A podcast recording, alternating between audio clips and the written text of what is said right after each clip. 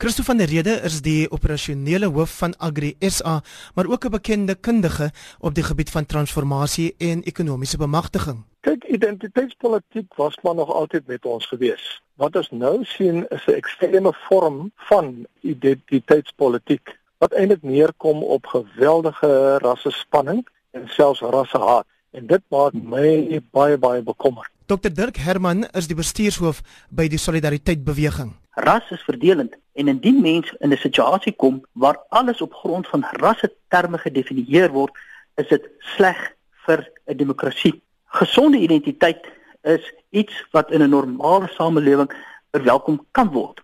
Kulturele identiteit word byvoorbeeld in die grondwet beskerm en dit is iets wat 'n mens moet omhels. Selfs godsdienstige identiteit word in die Suid-Afrikaanse grondwet beskerm, maar iets soos rasidentiteit word nie in die grondwet beskerm nie, maar in die algemeen in die samelewing is dit ongelooflik verdelend. En jy kyk byvoorbeeld na die Spur voorval, het dit onmiddellik omgegaan in 'n rasdebat en net rasidentiteit begin om die Suid-Afrikaanse diskurs te bepaal. Die feit is dus dat identiteitspolitiek op grond van ras is nie goed nie, dis verdelend.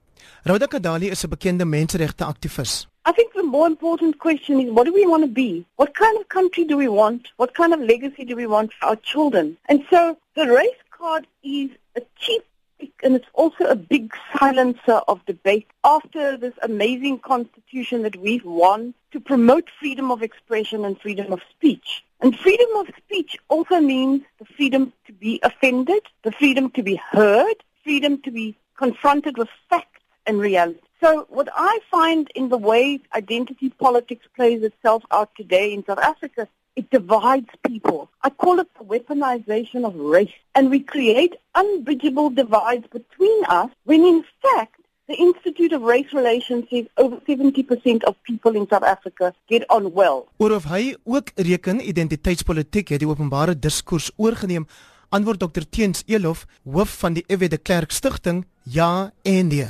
Ja, in die sin dat die ANC regering het die hele samelewing verrassig met hulle rassekwotas en nie gewone mense steur hulle oor die algemeen daaroor nie. Dan maar soms is daar mense wat mekaar misverstaan, maar daar's ook baie wit en baie swart mense wat mekaar onderling misverstaan. Julle reken die intellektuele klas het ook skuld hieraan deurdat hulle dikwels ras beklemtoon.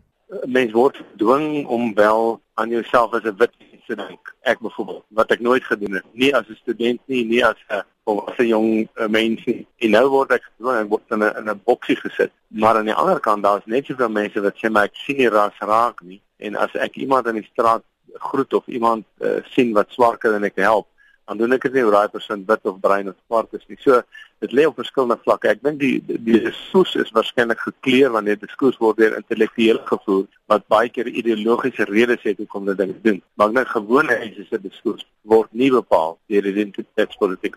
Dr Leon Schreiber is 'n politieke wetenskaplike en 'n navorser aan die Princeton Universiteit in Amerika.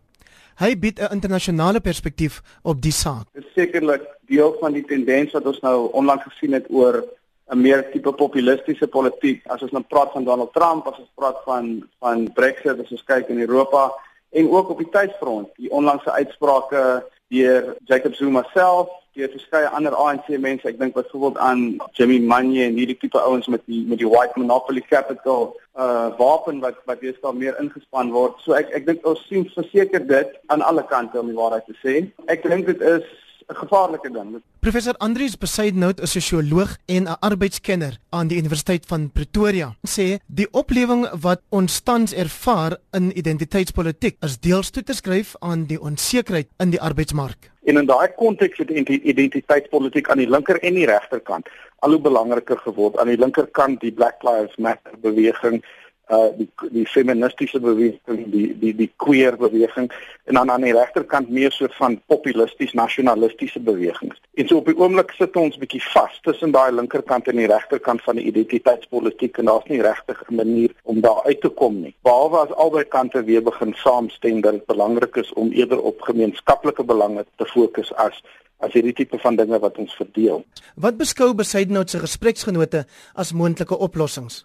Dirk Herman sê Ons moet eerder terugval en identiteite wat ook deur die grondwet beskerm word en daardie grondwetlike ruimtes in Suid-Afrika is eintlik nog nie optimaal ontgin en ontdek nie en ek dink ons kan baie meer daarmee doen maar die rasidentiteit wat ons op die oomblik sien is besig om regtig Suid-Afrika te vergiftig. Rhoda Kadali se mening is I think what apartheid did was to make some people uh, oppressors and others victims. Now I'm sick and tired of being looked at as a victim. We are now the majority.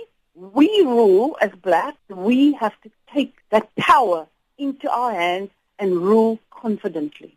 Leon Schreiber. In plaas daarvan om te praat oor identiteit en om alles te probeer reduseer na 'n identiteitsargument, behoort ons terug te gaan of miskien 'n nuwe fokus te kry op gedeelde waardes. Daar word vandag baie gepraat oor die 94 oorgangs 'n soort sell-out juis omdat dit nou skynbaar nie genoeg gefokus het op identiteitskwessies nie.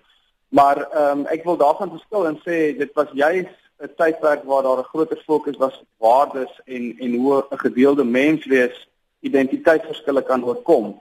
En ek sal dit graag wil sien en wil voorhou as 'n as 'n voorbeeld van van waarna ons behoort te streef. Maar ek dink die trend en die tendens beide in Suid-Afrika en wêreldwyd is is ongelukkig sterk in die teenoorgestelde rigting weer Christo van der Rede.